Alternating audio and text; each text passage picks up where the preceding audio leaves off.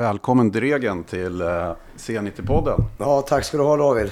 Det känns eh, extremt kul att få göra den här idag faktiskt.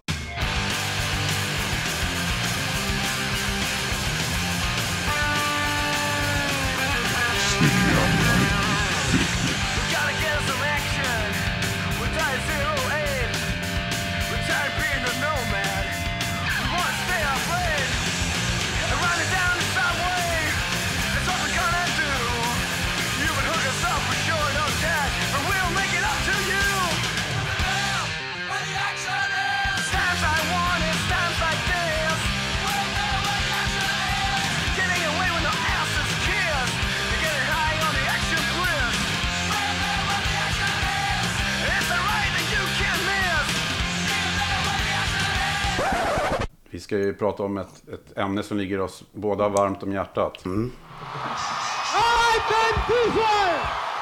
You wanted the best and you got it! The hottest band in the land!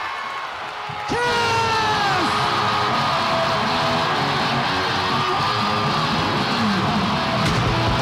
Men vi, ska ha, vi har förhållningsregler. Vi ska hålla oss till en bestämd tidsperiod. Ja. Och Nämligen, därför jag blev extra glad när du ringde. Ja, men det är väl liksom den här, som jag brukar kalla den lite schizofrena perioden som är mellan 80 till 83.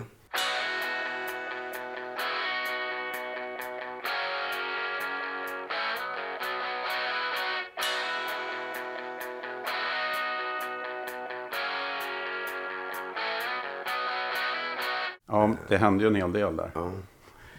Och sen är det ganska roligt också för att man har sådana starka minnen. För att jag är då född 73.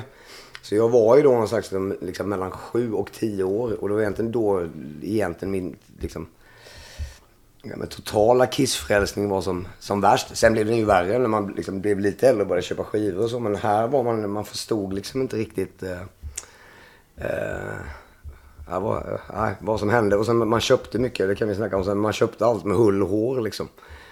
Eh, och, och sen när man nu liksom efteråt tänker att man sitter liksom ena dagen och lyssnar på live ett eller två och sen så liksom nästa dag så kom The Elder ur typ. Och man... Jag kommer ihåg att jag tyckte ändå att det var, att det var lite konstigt. Men sen, ja, man lyssnade och sen var det bara, ja, det var bara att köpa läget liksom. Man hade ju svårt då, man hade ju inte riktigt den kollen som man har idag med internet och allt sånt där. Man visste när kom skiv, den här skivan och liksom, det var ju bara ett myller av, åh, den där skivan och så här. Mm, precis. Det gjorde det kanske lite extra, extra schizofrent liksom. Men, Jo, jo, jo. men eh, om vi ska börja med dig då, hur, hur är läget annars? Eh, det är bra. Vi har varit på en lång eh, Backyard Babies-turné sen i mars. Ja. Eh, där vi har kört då liksom eh, Sverige, Finland, England och sen hela Europa typ så. Eh, ja, 42 gig eller 43 eller sånt där. Eh, och sen har vi varit på en, vår första klubbturné faktiskt med eh, Hellacopters. Ja. Jag gick direkt där hand i hand så det är därför man är lite extra sleten nu kanske. Men väldigt glad. Det gick otroligt bra. Så vi gjorde faktiskt eh, Spanien, Tyskland, Danmark med sex eller sju, nej sex gig med Hellacopters. Det var som en miniturné kan man säga. Ja. Men rätt kompakt va? Ja, det var ju sex gig på sju dagar.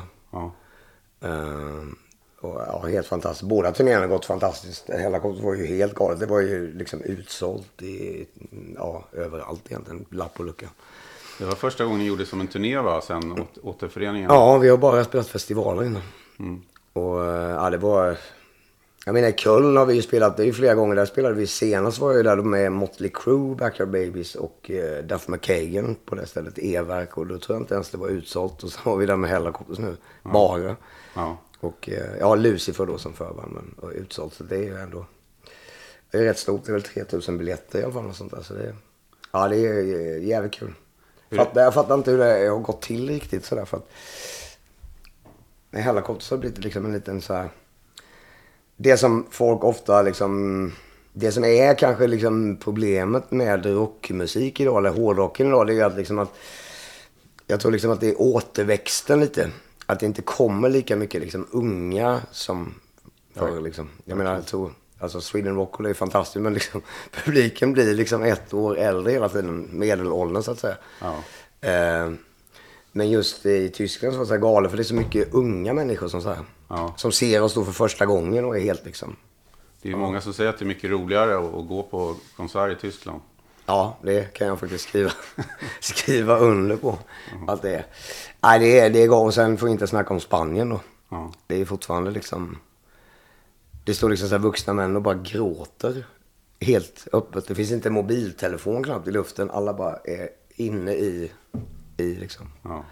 Ja, det, där, eh, där har vi lite, eh, jag ska inte gnälla så, men, men jag vet inte vad Sverige är på väg riktigt när det gäller rockmusik. Man behöver bara ta båten över till Finland så kan man se, eh, om man spelar i Finland en tisdag, det är ju som att, Tavastia och sådär. ja men det spelar ingen roll om du spelar en tisdag eller en fredag liksom. Jag menar, vi har varit uppe och gjort och säger, ja men det är bara face it liksom. Falun en tisdag, det, det kommer inte bli the gig of your life liksom. Folk står och gäspar och lite och sen. Sen är jag också förvånad att, att folk i Sverige verkar många föredra, kanske inte de här eh, riktiga rockfansen, men de här som ändå är intresserade verkar föredra de här stora jättespelningarna. Liksom, som man åker till Göteborg, och liksom, men man kommer inte iväg på liksom, mindre klubbspelningar. Nej.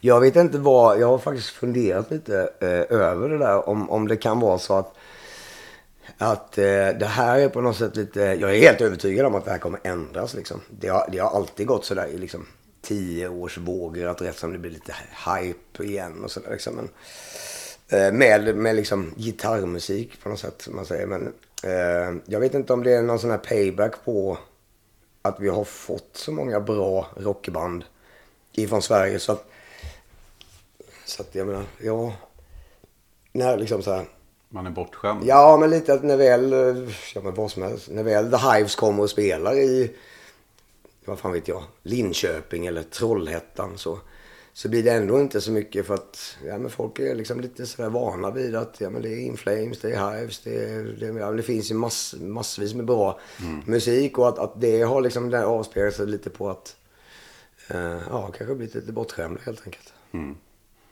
Men hur är det att vara ute med, med Helicopters nu om ni jämför med under de första åren när ni åkte runt?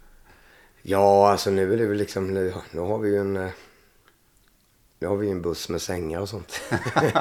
det är inte riktigt då. Men några, några mer, ja, men det är, det är ganska, det är, det är ganska full on rock'n'roll fortfarande tycker jag. Och, eh, otroligt kul. Men sen är det också att vi, vi, vi liksom, jag tror aldrig vi har gjort bättre gig egentligen sådär. Eh, förutsättningarna är bättre men sen kommer, sen är det väl så också, det är väl bara Hellacopters kommer aldrig bli ett band som kommer hoppa in i en van och köra en nio veckors turné i USA igen. Det kommer liksom aldrig hända. Så att det känns som att det här är nog mer för att vi vill att det ska vara roligt själva. Vi kommer liksom inte bränna ut oss och sen så kanske det är lite så här lyxigt att vi plockar så här russinen ur kakan och tackar nej till mycket saker som vi inte själva tycker eh, är så kul. Och det är ju, det är ju otroligt lyxigt att kunna få göra det. Men, Sen idag ni, spelar ni ju alla i olika andra Ja. band och så. Då kanske det också inte blir att man sliter på varandra på samma sätt. Nej, alltså nej, men det, det är ju liksom fantastiskt kul. Eh, det roliga är bara att, att jag vet inte om man blir... Jag har sett så många sådana, liksom, man var så rädd för, jag har sett så många sådana återföreningar så att säga. Där man, ja, de vi ska prata om om en stund, Kiss till exempel, att man ändå... Jag var väl lite så även 96 då när det var liksom den riktiga återföreningen för mig med, liksom, med smink och allt. Så var man ju liksom... Det var ju häftigt att se men någonstans var det så att det var, det var ju, det lät ju inte riktigt som 77 liksom och sådär. Jag tycker ändå att, jag tycker ändå att Hellacopters har eh, liksom åldrats på ett sätt som inte så många andra band kanske har gjort. Som jag tycker är positivt. Det vi kanske var lite väl när man ser tillbaka för liksom sådär på på den tiden när vi var liksom så jävla arga och det skulle gå så snabbt och liksom skam liksom. Nu visst, det har blivit lite gubbigare men det, det finns det finns liksom båda sidor. Det, det liksom svänger ju på ett annat sätt nu utan att vara trött på något sätt. Det är liksom det värsta jag skulle... Det är nog min... Jag skulle bli helt knäckt när någon så bara, ja ah, det var okej men... Ja, det är ju lite gubbigt och trött. Låtarna går lite saktare. och liksom, Eller, eller liksom... Nej, så att med, med det sagt så... så eh, det finns förutsättningar kanske för att göra en, eh, en ny skiva helt enkelt. Ja, jag tänkte just på det. Eh, Robban, trummisen var ju med i eh, C90 för ett tag sedan och Mm. han hintade ju lite om det. Ja. jag försöker ändå sådär, vi, vi har pratat om att det här, det här tror jag inte jag kommer hända, men jag tror ändå att, att Hellacopters kommer vara så pass, liksom, vad ska man säga, nyktra i sitt, liksom, eh, att vi kommer, alltså om inte det här blir, om inte det här blir en skiva eller en inspelning som på något sätt spelar, eh, som kan göra skillnad på något sätt som, jag tror inte att vi, ja, jag menar känner vi så att det här blir en okej skiva, då tror inte jag att vi kommer faktiskt släppa den liksom. Då kan vi lika väl låta det, alltså det vore, det vore otroligt jävla en stor plump i protokollet och komma tillbaka och så gör man en, gör man liksom en dålig skiva nu. Ja. Men jag tror inte att det ska göra det. Jag tror att det finns å andra sidan, alltså på pappret, alla förutsättningar att det här, vi ska kunna gå in och kanske spela in den bästa Hellacopters-skivan nu. Alltså, någonsin. För det, då har man ju egentligen i och med att annars så kanske många band i ett sånt där läge tänker, eller har gjort tidigare, om vi släpper en skiva så kommer jag i alla fall att sälja en jävla massa skivor. Men så är det ju inte riktigt idag. Nej, men jag tror inte, jag hoppas att vi inte hade tänkt så ändå på något sätt.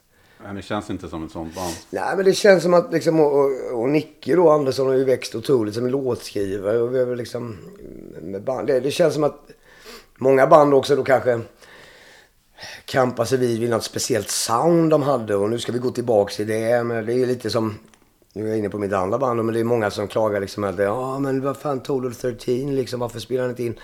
Alltså det hade också varit en, vi, vi är inte de människorna idag som vi var när vi gjorde 13. Så det, det hade ju bara varit ett, det hade ju varit fake av oss att göra den idag. Vi är inte där idag. 13 är 100% äkta när den kom. Vi kan inte göra den idag. Och jag tror med, med Hellacopters är det också att vi, det har hänt så mycket också så att vi har liksom ingen sådär, klart man kommer höra att det är Hellacopters, men jag tror att det kommer vara, vi kan liksom sticka in i en helt ny. Vi behöver liksom inte titta bakåt så mycket, tror jag. Ja, Men det är, det är full fart med, med Backyard Babies eh, nu också. Verkligen. Jo. Ni släppte ju ny, nyligen skivan Sliver and Gold. Och Ja. Jag kan tänka mig ändå att det är lite lättare nu för dig att vara med i båda banden än vad det var på Ja, 90-talet. ja faktiskt. Jag menar, nu, nu är det ju... Ja, lätt och lätt. Det är väl lite logistik eh, i sommar just med det och festival och sådär. Men det, det är liksom inte, det är inte i närheten av vad det var med blödande magsår sist. man hamnar på SÖS i fyra nätter. Eh, nej, så att, och sen kan man väl lite, lite sådär, nu kan man väl... När man höll på att breaka två band så liksom var man ju tvungen på något sätt att ta alla giggen man fick på något sätt. Nu kan man väl planera lite mer att ja men de här månaderna vill vi åka ut med det här bandet då. Och sen är väl det också att Backyard Babies fyller 30 i år med samma uppsättning. Eh, vi har spelat i 30 år egentligen. September, sen september 89. Och, så att jag menar, alla är inte heller kanske lika pigga på att göra 270 gig om året längre. och sådär. Även det är familjer och, och liksom, och sen, sen Sen blir det lite mer kanske kvalitet än kvantitet på något sätt. Jag menar vi spelar ju ändå jämfört med andra band otroligt mycket men, men det blir liksom inte riktigt eh, jättebra spelningar rakt igenom när man gör liksom så här 250 gig om året. Eh, för man blir trött liksom. Och man, eh, då kanske det är bättre att spela 120 och, och de blir jävligt svinbra istället.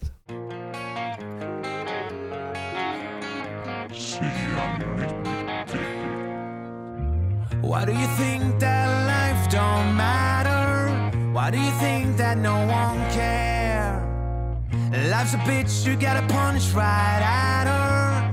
Nothing's right and nothing's fair. She's digging someone's grave, he's working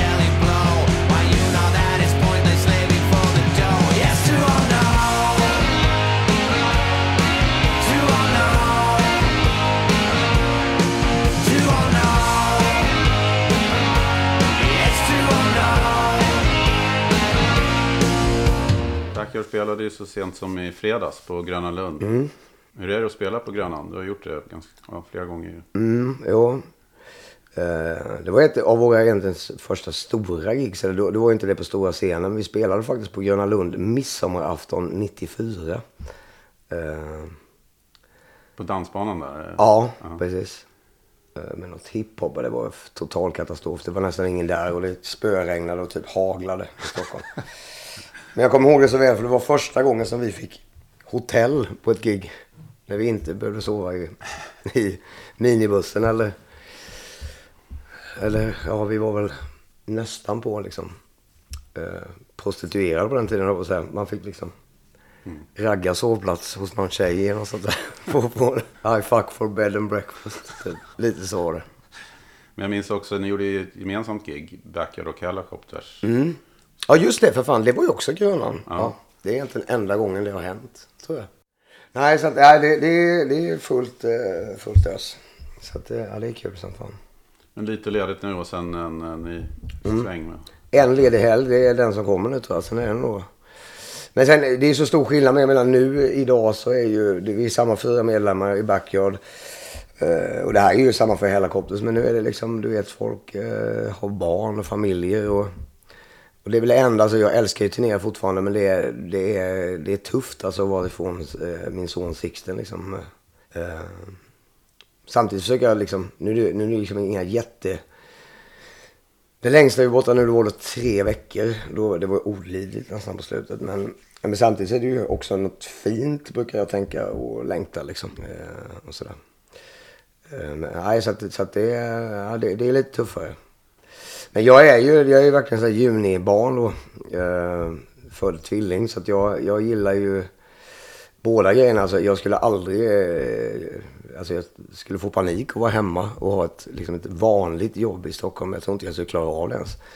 Samtidigt som att jag älskar att åka ut och spela. Men när man är ute och spelar då längtar man liksom lite hem till familjeliv också. Så att det, ja.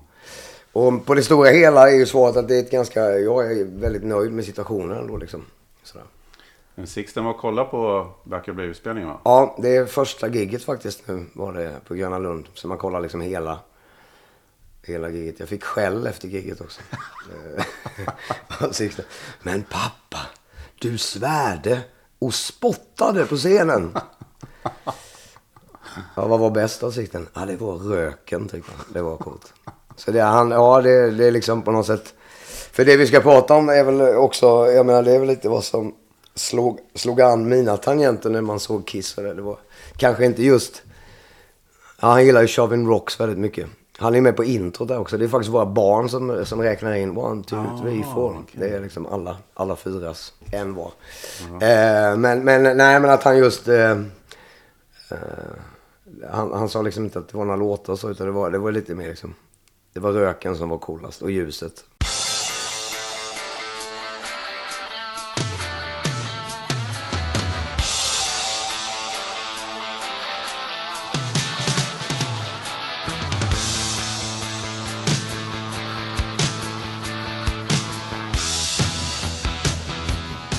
Ja, vi ska prata om Kiss här.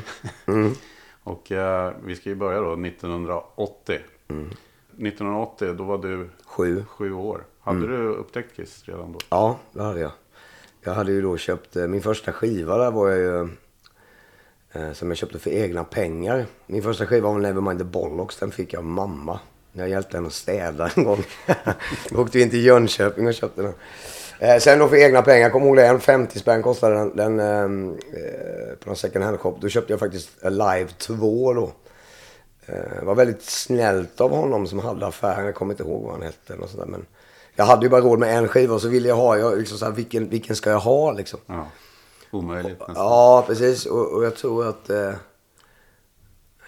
just för en, en eh, kanske sex, kanske jag varit då sexåring så var nog Alive 2 det absolut häftigaste. För jag menar, det mittuppslaget är ju häftigare än Alive 1. Eh, det är lite mer maxat Alive 2 med publikljud och sådär. Jag, ty- jag ska, nu, nu för tiden så, så tycker jag att Alive 1 är såklart mycket, mycket bättre. Men, men, uh, nej, men man fick en blandning av hela Kiss där liksom. Man blir helt frälst. Och, och jag menar, eh, alltså mittuppslaget, gatefolden på Alive 2 är i särklass den bilden av alla bilder jag har tittat mest på i hela mitt liv. Liksom. Jag vet inte hur många timmar jag har suttit och stirrat på den där bilden. Sådär. Men, men nu är vi, fan, nu är vi nere vid 77 där. Ja, just det. Det är lätt att halka, Ja. halka ner. Nej, så att eh, en mask det kommer jag ihåg väldigt mycket från eh, sittandes på golvet framför morsan och farsans grammofonspelare. Eh, med ett par Sennheiser-lurar som jag fick av eh, min mamma faktiskt och kusin. Eh, och det säger nog ganska mycket om att de var ganska trötta på att jag spelade. jag tolkar det som att, ah vad schysst. Nu kan jag spela jättehögt men jag fattar inte att de bara så här, oh nu blir det tyst.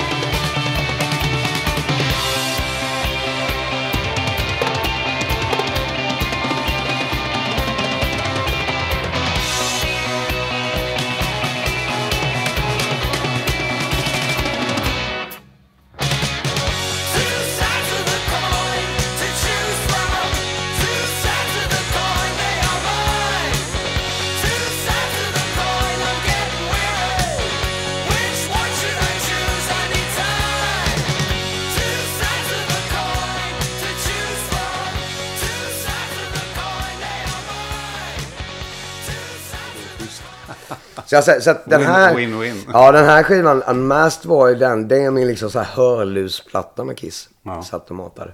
Jag kommer ihåg att Torpedo Girl är det va? Ja, det, det intro tyckte jag var så coolt. Det så här lyssna på över hela tiden. Så kommer jag ihåg att det var jävligt tufft tyckte jag, det där trumintrot. Fast nu låter det mer som så här frias när man lyssnar.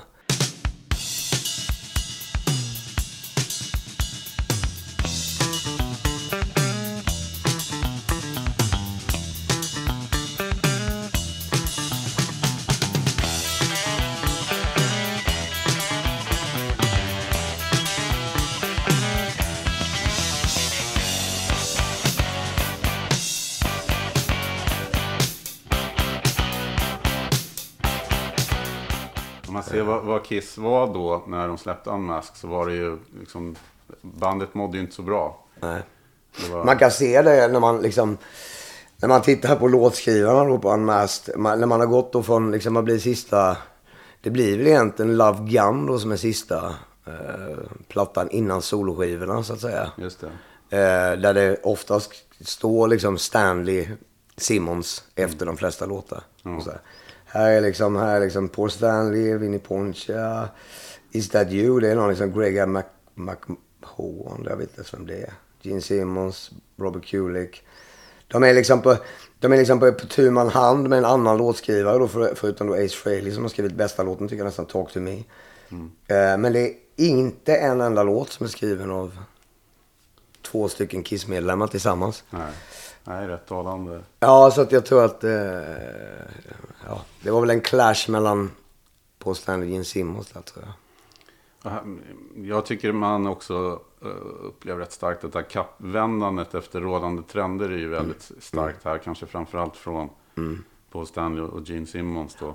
Att man, man hade ju redan börjat på Dynasty med disco, liksom I was made for loving you här. Och sen att man, eh, man hade tagit in då Vinnie Poncia som producent där, på, som hade, hade tidigare jobbat med Peter Criss. Ja. Det är konstigt. Liksom. Jag, jag tror att jag läste någonstans att det var mer eller mindre eh, ren utpressning från eh, Peter Criss sida. Jag tror att han, i och med att Peter Criss inte ens är med och spelar på den här plattan så var det, innan de drog igång det där så var det lite att jag tror att det var, jag har läst det någonstans att han typ ställde ett ultimatum att jag lämnar bandet om inte det blir den här producenten typ. Okej.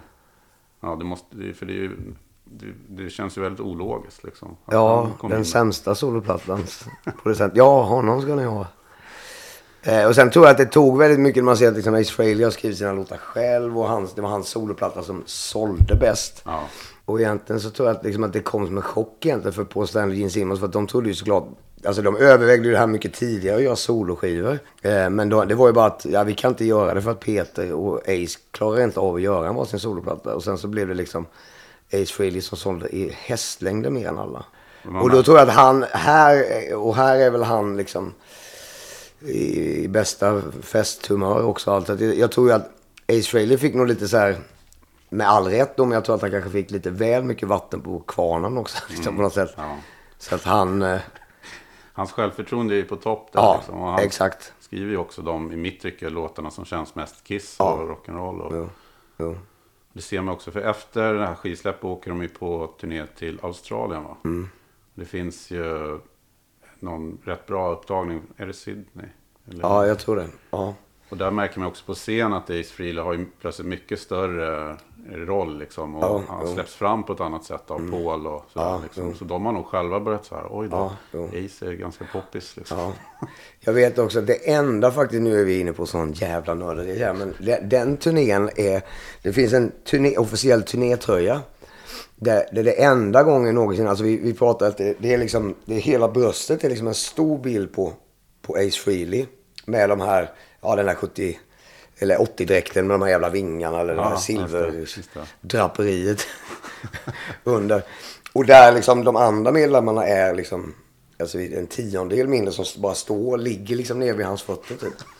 Eh, och det var för Australien. Så jag, jag, jag vet inte om det var att han var jävligt populär just i Australien. Att, att soloplattan, det gick väldigt bra också sådär, jag vet inte. Ja. Eh, och de har otroligt mycket merch också från Australien. Jättekonstig merch. De har ju några, alltså de släppte idag, det var ju alltså nästan lite så här Nasse-anspelningar. De gjorde ju så här, det fanns ju alltså riktiga jävla liksom järnkors. Exakt som med liksom Kiss-loggan med liksom då SS-märke. Alltså kopplar man ihop båda dem så blir det ganska liksom, Ja, ganska ja. starkt liksom. Så låg de i såna här röda liksom eh, sammets eh, grejer. Så här. Det var officiell Kiss. Det fanns, eh, så fanns det pins också med och halsband. Och, ja. Så att det känns som att he, hela, hela allting runt omkring med liksom merchen stack ju fullständigt där också. Man kunde ju köpa liksom tuggummi till liksom, och det känns som att de inte riktigt själva var lika så här delaktiga. De bara, det blir bra. Det, det är bara någon som har suttit och kört loss liksom.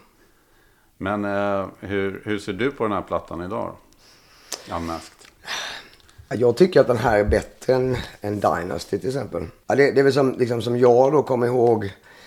Så är det just liksom, jag gillade ju aldrig Shandy och de här. Det var, det, alltså den spretar väldigt mycket men sen som du säger, jag menar, den är ju väldigt stark av Ace Frehley. Med både liksom, Two sides of the coin va? ja, Talk to me och Torpedo Girl.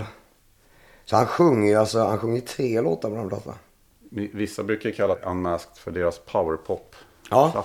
Det stämmer ju lite. Ja, faktiskt. Det, känns som att de tog liksom det stora steget var lite det mer så här, det var ju egentligen kanske då 79 med Dynasty. Nu ska vi inte prata om det, lovade vi. Men, men där de då fick en viss, jag tror, jag tror att de blev, det blev också lite konstigt i deras karriär för att jag har fattat som att I was made for loving you blev ju en hit i Europa. Men i USA så tror jag att de det blev nästan lite ett skämt på något sätt. De förlorade mycket publik i USA för att de tyckte att vad fan är det här discoband? Men samtidigt så gainade de väldigt mycket, mycket eh, fans i Europa på den. Så jag, jag tror att här vill de liksom göra någon slags, eh, liksom gå halva vägen. För att här finns det ändå lite mer rock fast det ändå är lite disco. Så de försökte nog få ihop det på något sätt. Liksom. Ja. Och jag tror inte ens de turnerade i USA på en Masked. Men när man, man har sett då när de är på flygplatsen och sånt i Australien så där är det ju så Beatles Ja. hysteri. Så att eh, det var säkert smart att åka då till Australien. Jo, liksom. jo. Och jag menar i Sverige gick det väl inte jättebra heller för att jag menar det är ju skillnaden var väl. Ja. alltså de, de hade ju kunnat bli svinstora i Sverige men nu blev de ju svinstora i USA för att jag menar 76 när de var på Gröna Lund och sen så kom de egentligen inte tillbaks förrän de var i Er- Eriksdalshallen liksom. Ja just det, och det var ju på Unmasked. Ja, eh, precis. Iron Maiden som Ja. Ja. Och eh, jag har ett sånt turnéprogram som är jättekonstigt också. Eh, på den tiden var ju så här turnéprogram man kunde sköta. Så Ja, turné ja, stora jävlar. Ja. Ja. Och där är det ju liksom en, det är ju liksom en, bild, det är en bandbild på, på Kiss. Men då har ju, då har, de, då har ju Eric Carr precis kommit med Just eh, det. på turnén. Just det. Eh, så att han är ju... Han är liksom, det, det är så dåligt gjort så han är liksom bara, liksom bara målat på ett foto, målat över ja. Peter Criss till hans sminkning. Liksom. Det är, Rä- Räven där. Ja, räven. Så, här, det är liksom, det är bara sånt, liksom, försöka bara släcka en brand så dåligt på något sätt.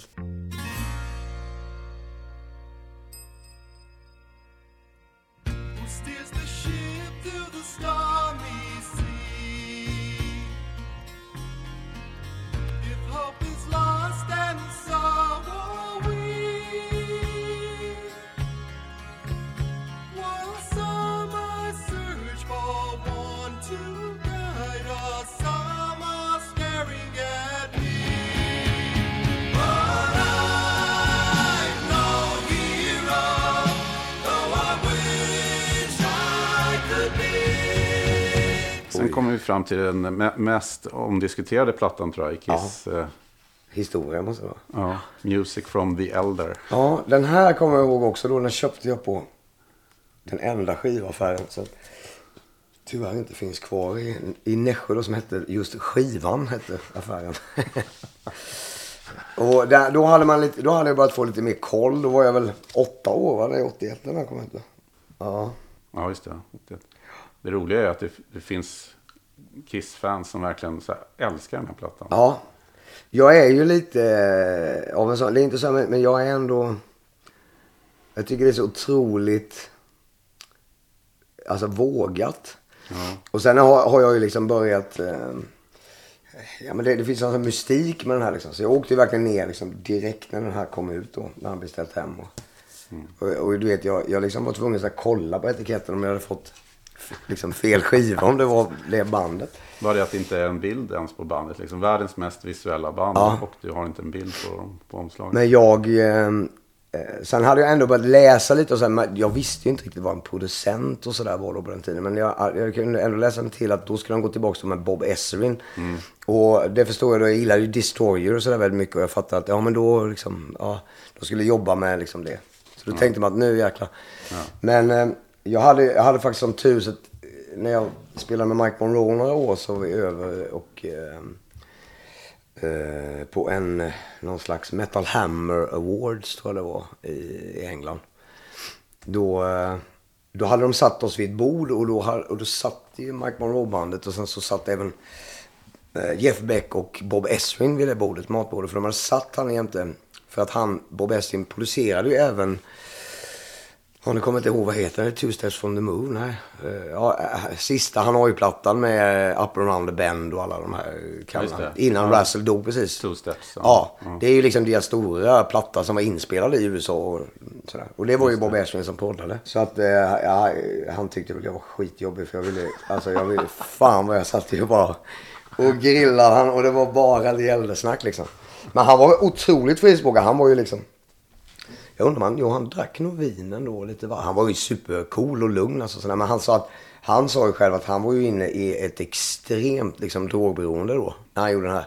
Så han var ju, alltså hans liksom, idén var att det, här- det här ska ju liksom, de gick ju in på mer så Pink Floyd liksom, konceptplatta. Mm. Ja, just det. Han och de var ju, eh, The Wall ju. Ja, han, han skulle göra liksom, och och alla var ju liksom, det var inte så att, ah, utan alla var ju helt övertygade om att det här kommer ju liksom förändra musikvärlden liksom. Ja, är inte bara liksom för kiss det här kommer ju välta allt. Så att han hade typ... Nej men du vet liksom. Eh, och han sa själv att han visste ju inte liksom vad... Och tanken var väl att göra en temaplatta med någon slags historia om någon po- ung pojke som liksom måste utföra I något. am just a boy. ja. Och- och- Men, sen, men sen också i och med att eh, jag var så pass ung så jag kommer ihåg den här plattan. Om det, det är något outro på också som jag var, när jag satt ner i så gillestugan i vår källare med de här hörlurarna så kommer jag ihåg att jag mm, tyckte det var lite äckligt, det var liksom lite otäckt outro. Ja. Det var lite så här, eh, samma som eh, typ så här introt på Shout at the Devil när jag köpte den plattan precis när den kom. Och det är väl 83 kanske. Ja, just det. Då är jag ändå 12, men det var ändå lite när, när man satt själv och det var mörkt ute. Typ. Det var ingenting man bara så här, Nej, nej. morsan var inte var hemma, det var ingenting man, man hoppar gärna över det där introt och så direkt i dun dun tja. Och så, och jag, jag kommer ihåg att liksom efter I, så sista Okej, låten så. Snabbt framme. Ja, snabbt fram och tog ju upp liksom pickupen.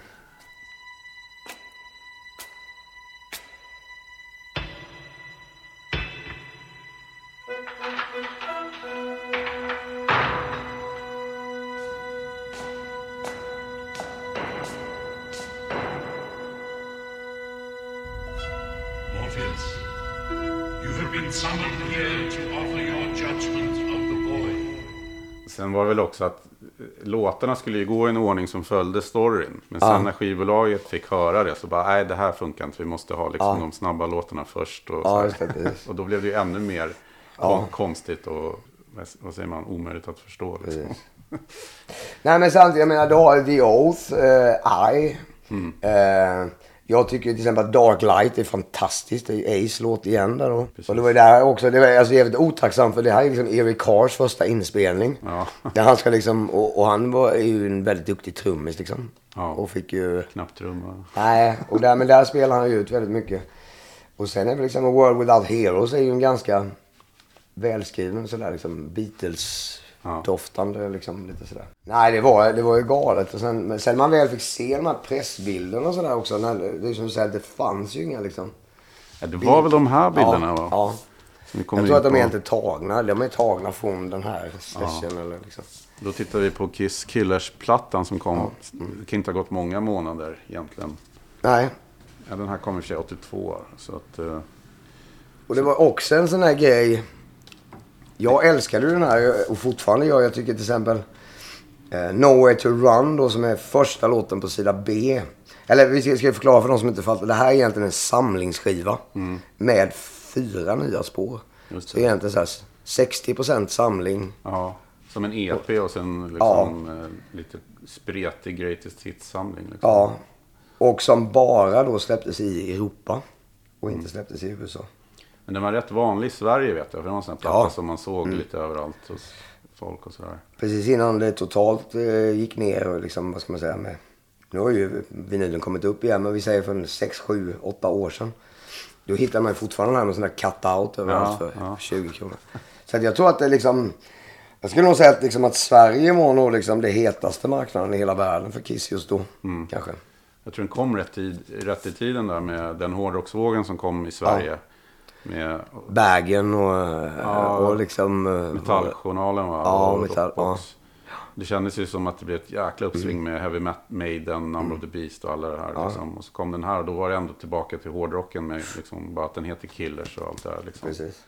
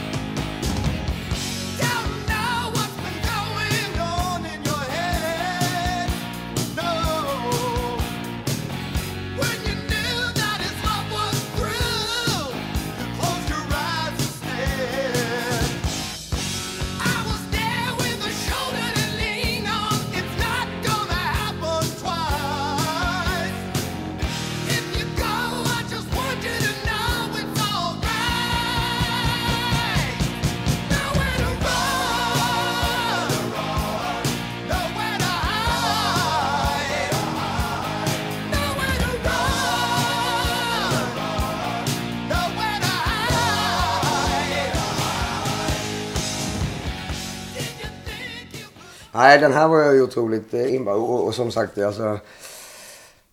Nowhere to Run är faktiskt en av mina favoritlåtar ever med Kiss.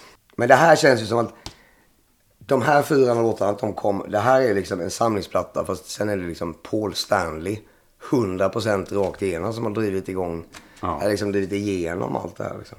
Men jag menar, jag var fortfarande helt knäckt på att då liksom, Gene Simmons, nu har han fläta. Och sen så fick man se, ja nu är tillbaka i gäller, men han grät ju också i Just det. World Without Heroes. Precis. Och jag bara, men han är ju demonen liksom. Ja. Han, vad är det här för, vad är det för Kan jävla tjafs? Det är väl Paul Stanley som ska gråta. Ja. Ja. Och då är det, det är samma år, 82 ju. Ja. Så kommer ju då eh, den ganska svintunga, måste man säga, med Kiss-mått med att Creat- Creatures of the Night. ja.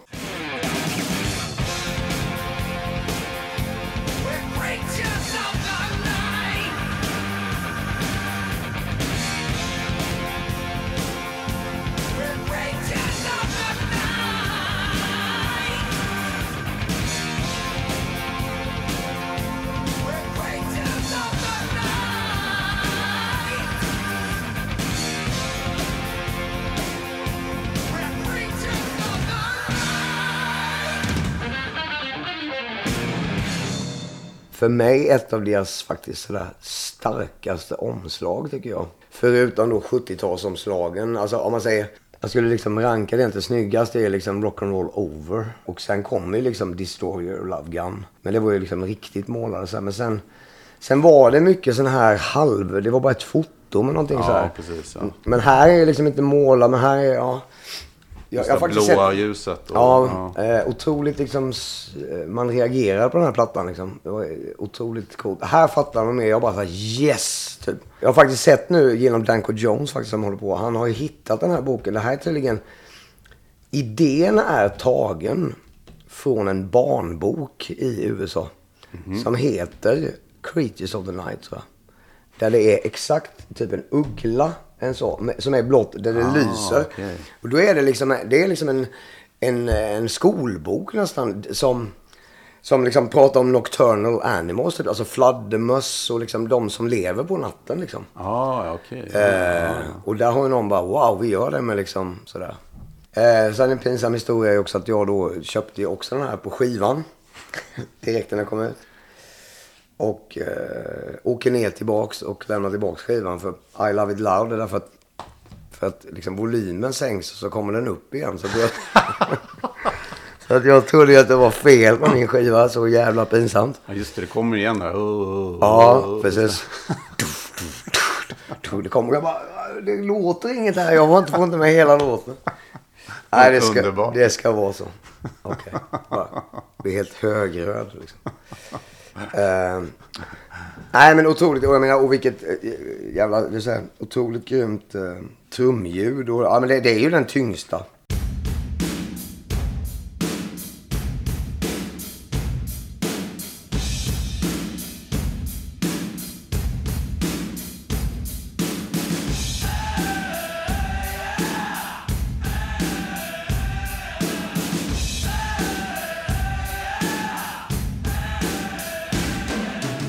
Person som är otroligt viktig här har ju kommit in i bilden då. Mm, Vinnie Vincent. Ja. Som, som ingen egentligen vet. Det står väl inte ens Vinnie Vincent. Det står väl Vincent Cusano här antar jag. Ja, just det. Och han har Hans- ju eh, framförallt, ja, dels som gitarrist då. Mm. Ace är ju med på omslagen men spelar väl inte en ton va? På. Nej, jag tror inte han spelar någonting på den här skivan.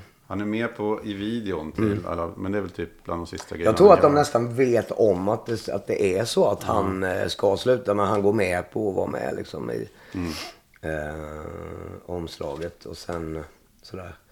Eh, nej, och sen då var han ja, som sagt eh, helt oprövat kort. Och det får man ge Kiss också som hittar. Jag antar att de har liksom testat lite gitarrister. Och, men sen hittar de ju då Vinnie Vincent eller Vincent Cusano. Eh, Som bidrar jävligt mycket Ja, som ja, ja. låtskrivare också. Ja, han skriver egentligen alla de bra. Ja, jag tycker alltså egentligen, det, det är ju att de kom tillbaka med sån, sån tyngd som man var glad sådär. Men egentligen när man kollar på, det är lite typiskt så här senare Kiss. Det är några riktigt bra låtar och sen är det några riktigt, eh, riktiga fillers också. Sådär. Så här håller jag väl Creatures of the Night väldigt högt låten. I Love It Loud såklart som är fortfarande en klassiker. De spelar väl jämt. Eh, och War Machine egentligen.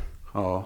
Sen är ju, alltså jag har ju aldrig, de, det händer att de kör fortfarande I still love you. Det är, en låt som jag aldrig riktigt har. Han är lite seg alltså. Ja, jag gillar inte den heller. Då tycker jag så här, jag skulle, då skulle jag ju hellre, alltså om man ska då hålla liksom som en ballad, en lugna låtar, tycker jag typ World Without Heroes är en bättre låt egentligen. Mm. Ja, just det.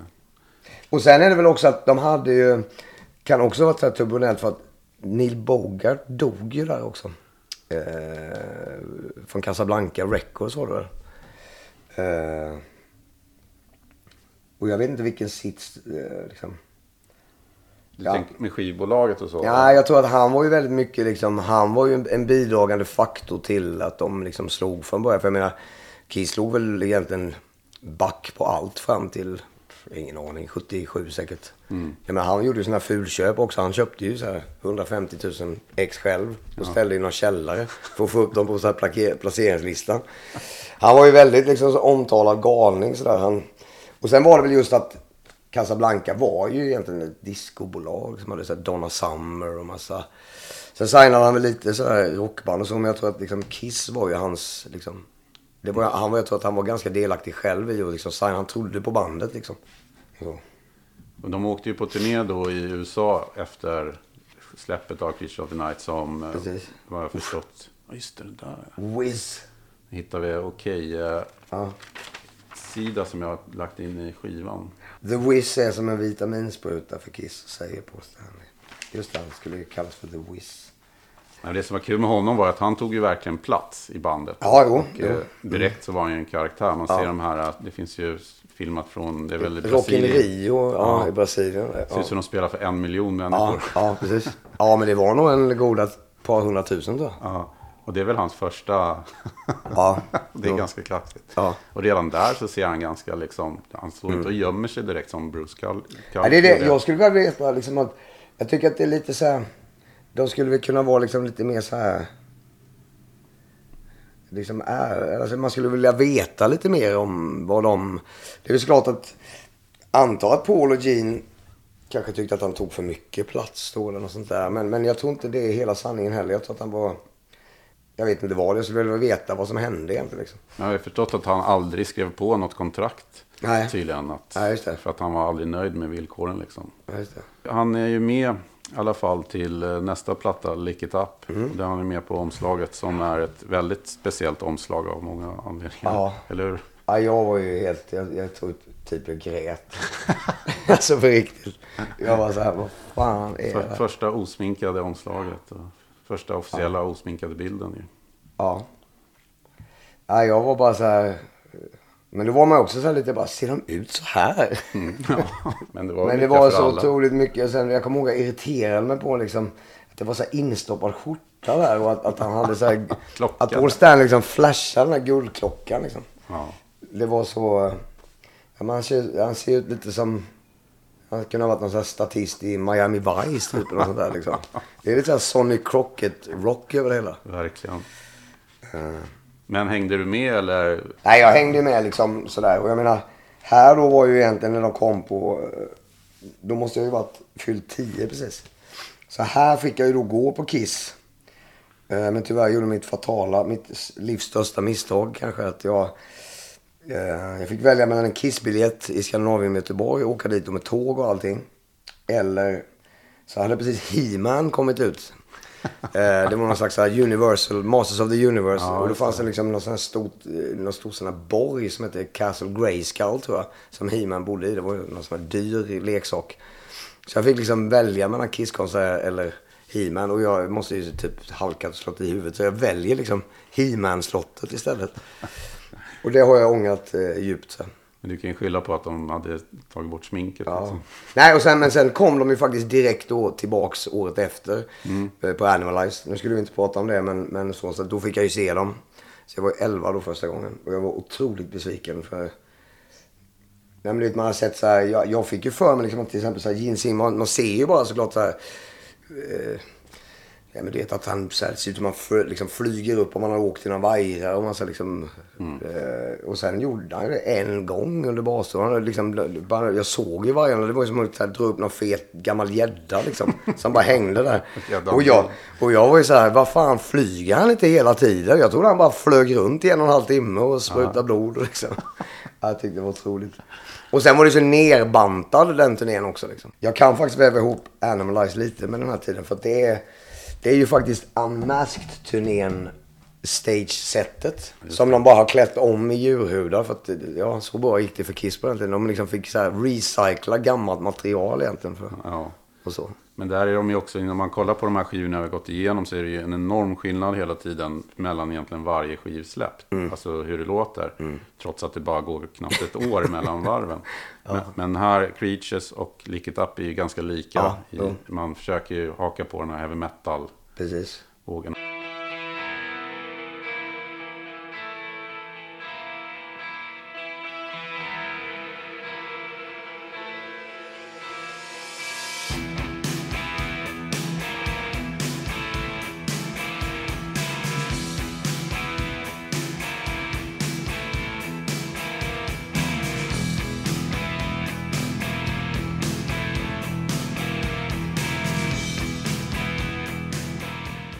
Många som, som idag högaktar Kiss eh, från liksom den gyllene eran, Ja. 70-talet, så här, de har ju väldigt svårt för typ Lick Up och så. Mm, ja. Hur, hur, hur, hur är din inställning? Ja, jag har väl också lite sådär just... Eh, jag skulle helst inte vilja egentligen så här, Jag skulle helst inte vilja blanda de perioderna. Jag- Alltså jag skulle ju helst vilja se Kiss eh, liksom ett 70-tals...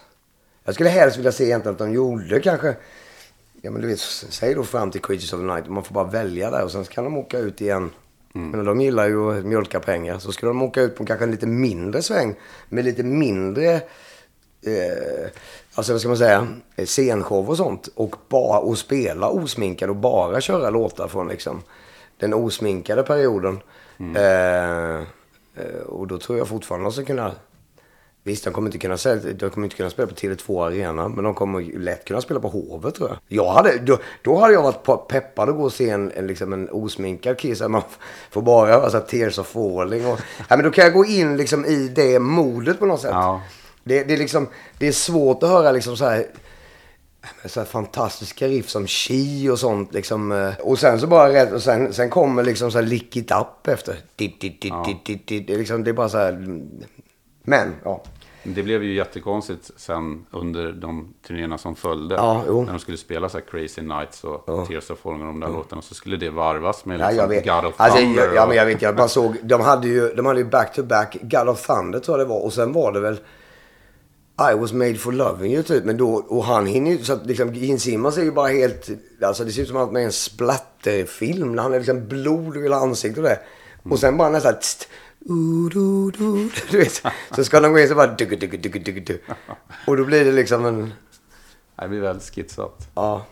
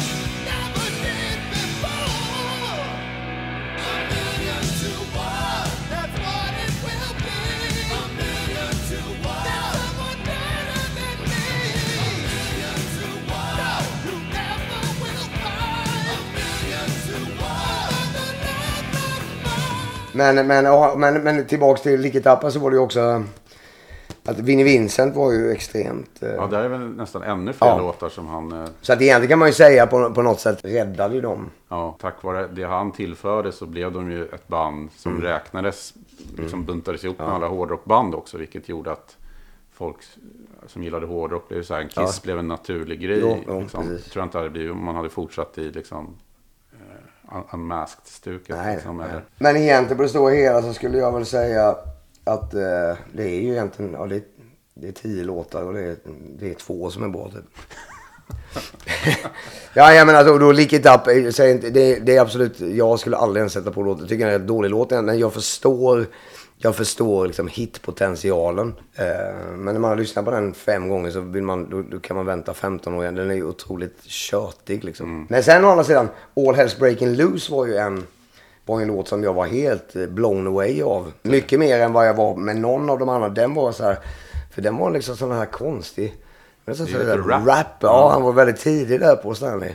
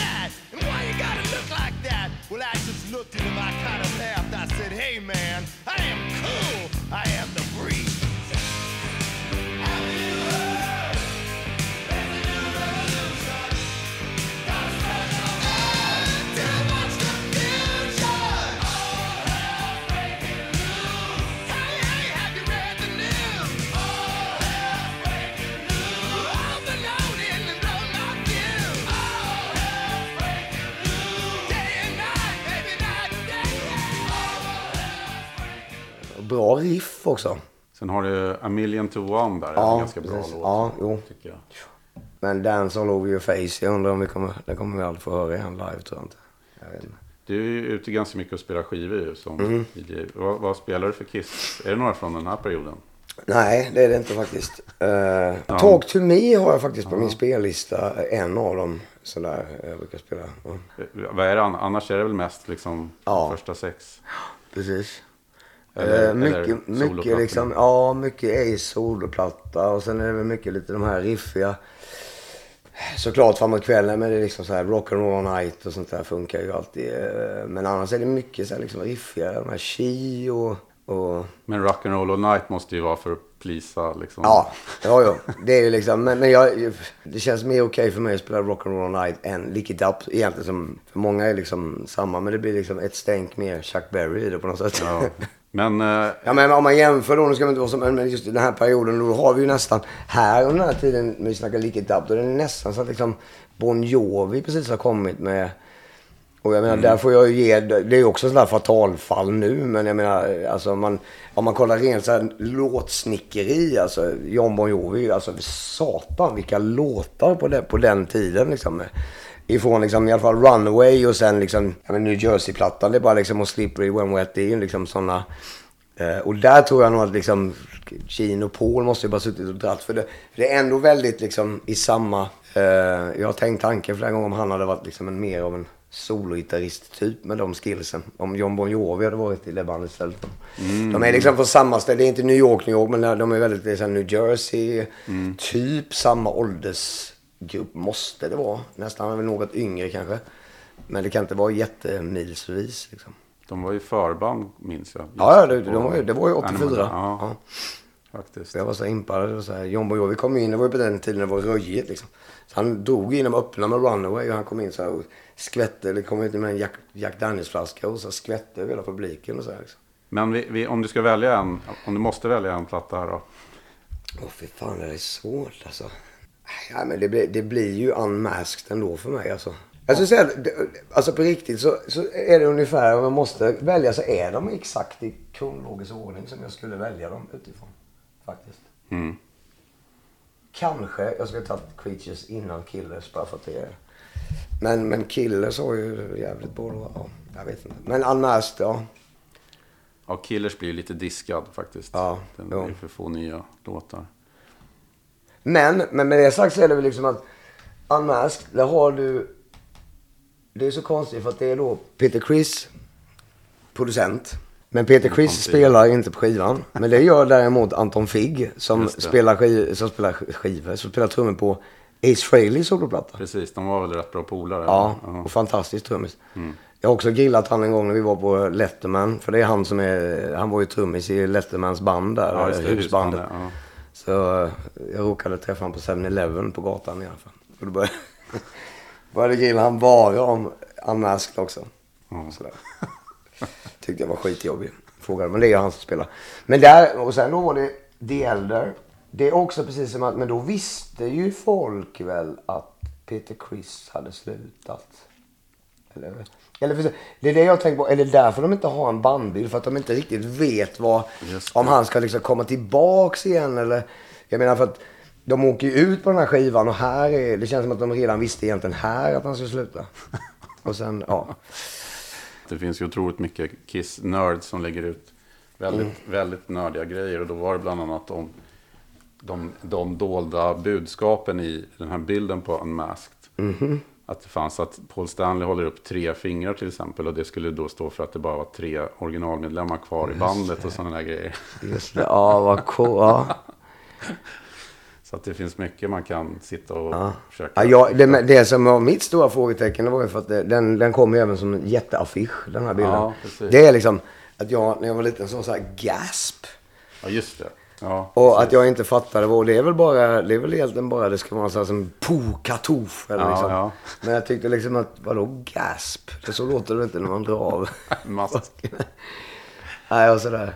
Men, men, ja, men då, då är det ju en annan. Och sen, sen här är ju egentligen, de äldre är ju ändå, nu är det ju då Eric Carr och de gick ju ut vet jag någorlunda tidigt med att det var, alltså här är ju i alla fall hela bandet och spelar. Ja, just det. Och Ace bidrar ju. Liksom. Ja, och Ace bidrar. Jag vet inte, är det något som är Bob Cully kanske på de här också? Han kanske inte är med på allt. Men, men jag tror att de här låtarna på Killers, där är det ju inte heller... eh, Där tror jag det är Bob Cully som spelar gitarr. Ja, Och sen, sen kommer vi till Creatures of the Night. just. Eh, och där är det ju också Vinnie Vincent och Bob Kulick som Mm. spelar gitarr. Så att, så att egentligen när man börjar så tänka alltså. Det är ju som att jag skulle slutat spela gitarr på backyard-plattorna efter Total 13 nästan. Nej men efter Making Enemies och alla andra. Det är bara så här, jag är med i bandet fast Ja. man försöker bara mörka. Och det tycker jag också är så konstigt att, att de här liksom avslöjandena, man ska säga, att, eh, det, det har ju kommit någorlunda i modern tid. Alltså, alltså nu är det väl länge sedan men alltså många, många, många år efter så avslöjade sig att det, är, att det inte är Peter Criss som spelar trummor. Och jag menar, det är så konstigt. Det är lite som, det är lite som när Rob Halford kom ut liksom att, och alla bara Va?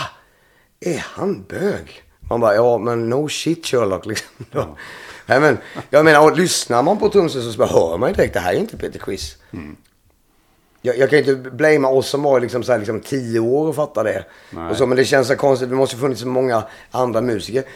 Och, och dessutom de gitarrerna, liksom den här lite mer metalplattan. Jag menar Ace Frehley har ju sånt otroligt, eh, som man säger, sär, ja, ja, liksom spelstil. Man hör ju direkt att det är Ace och man hör ju direkt att det här är ju inte Ace. Nej. Och sen är det ju så här solon som bara, det bara löder.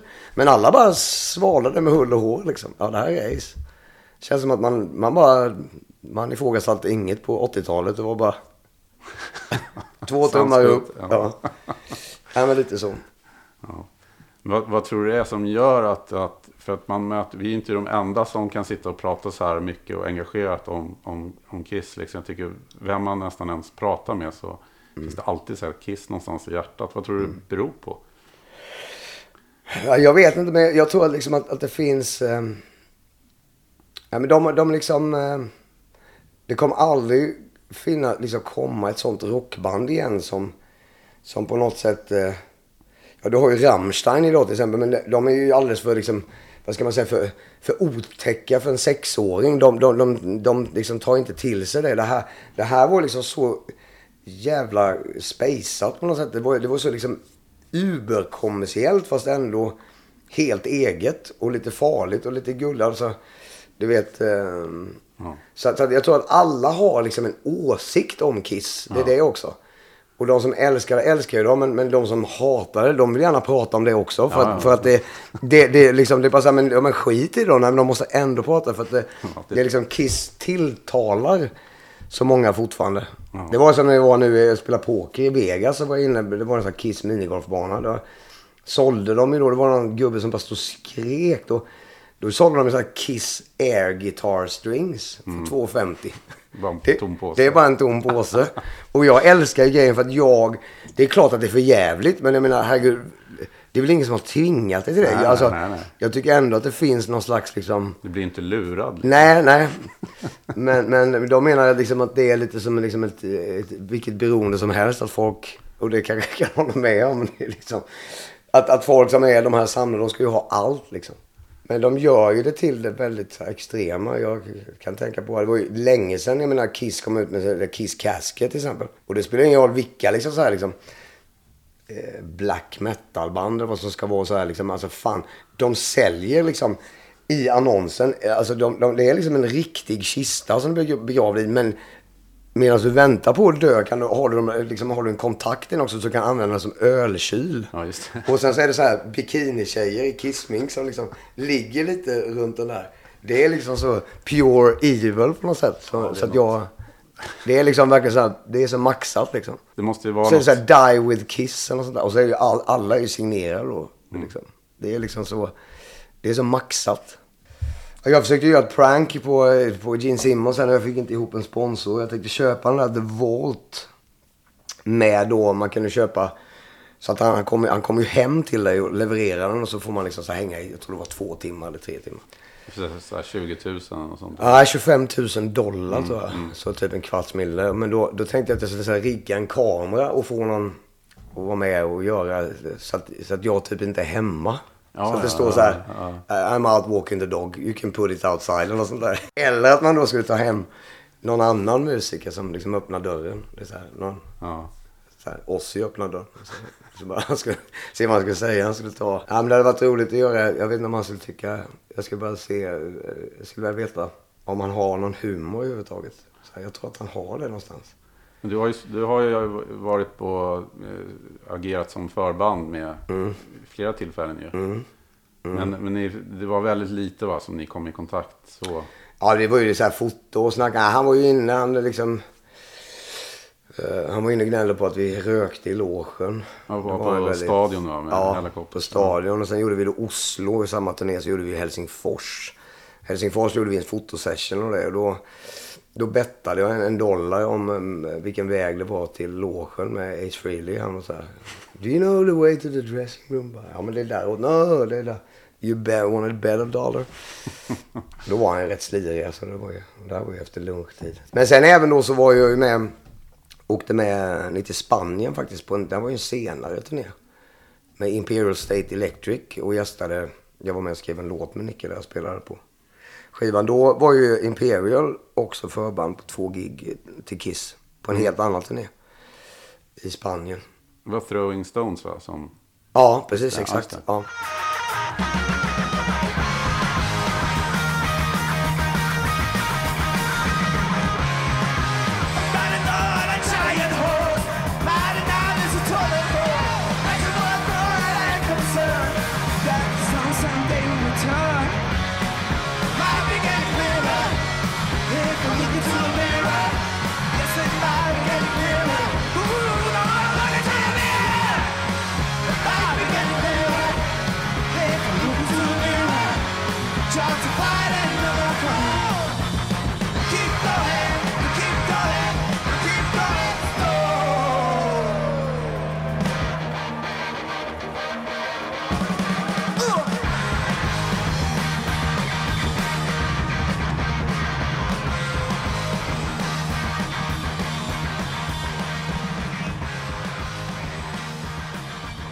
Det var, det var ju väldigt coolt. Då fick vi eh, liksom så här, eh, träffa dem lite så hastigt. Och då försökte vi även efter en öl försökte jag sälja in till, för då var, då var ju Dog McGee tror han hette. Ja, just det. eh, deras Legendariska. Ja, ja.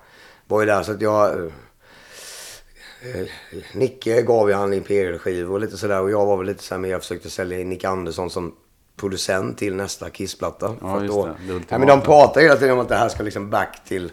Det här ska bli som 76, men det låter inte alls som 76. Nicke hade gjort ett fantastiskt jobb liksom. Eh, Men det hade nog inte låtit så modernt som idag kanske. han är ju också ett extremt stort eh, Kiss-fan, ju Nicke Andersson, för de som händelsevis har missat det. Ja, nej, ja, precis. men vem är egentligen, vem tror egentligen är det största Kiss-fanet av er två? Svårt att jämföra, men Ja, jag tror nog... Jag tror att han är ju ändå, han har ju tagit det till en nivå som är... eh, nej men liksom så här, jag tror att vi är ungefär samma fram till viss, men sen har ju liksom Nicke då öppnat, liksom startat studio och grejer och sånt där. Och jag menar hela hans studio är ju bara liksom, han har googlat ju bara liksom vilken mix som satt på vänstra hängpukan på 76-turnén med Peter Criss liksom. Vad hade han för, ja men du vet allt sånt där. Och sen har ju Nicke ett, eh, jag vet inte hur mycket jag får säga, men det, det, det är ju bara, det finns ju inget som ska ges ut. Men han, han har ju ett, ett, liksom ett hobbykissband. Eh, som inte finns på, och, och när, när du, det är så sjukt att när du sätter på den eh, inspelningen så låter ju det liksom exakt som Dress to kill. Och så är det ju sådana låtar. Så att man, och, och så sjunger ju då han och Tobias Egge och han kan härma väldigt. Så att man, man tror ju att det är så här, att det är liksom gamla Kiss-demon som ingen har, eh, som, liksom, som har försvunnit någonstans. Men det, så han, han går ju liksom, han, han har ju gått lite över gränsen. jag tror att det där kommer att liksom, folk kommer få lyssna på det där någon dag. Det vet jag faktiskt inte. Var ju synd. Ja, ja det, är- det är skitbra liksom. Det, det låter exakt som Kiss liksom. 75, typ 76. Ja, Kiss kan man ju snacka hur länge Ja. som helst om. Nu har vi snackat i över en timme, så vi får, vi får nöja oss där. Men det, Ja, ja. eh, Vi får komma tillbaka sen så kör vi eh, 84 till 87. kör vi två timmar till.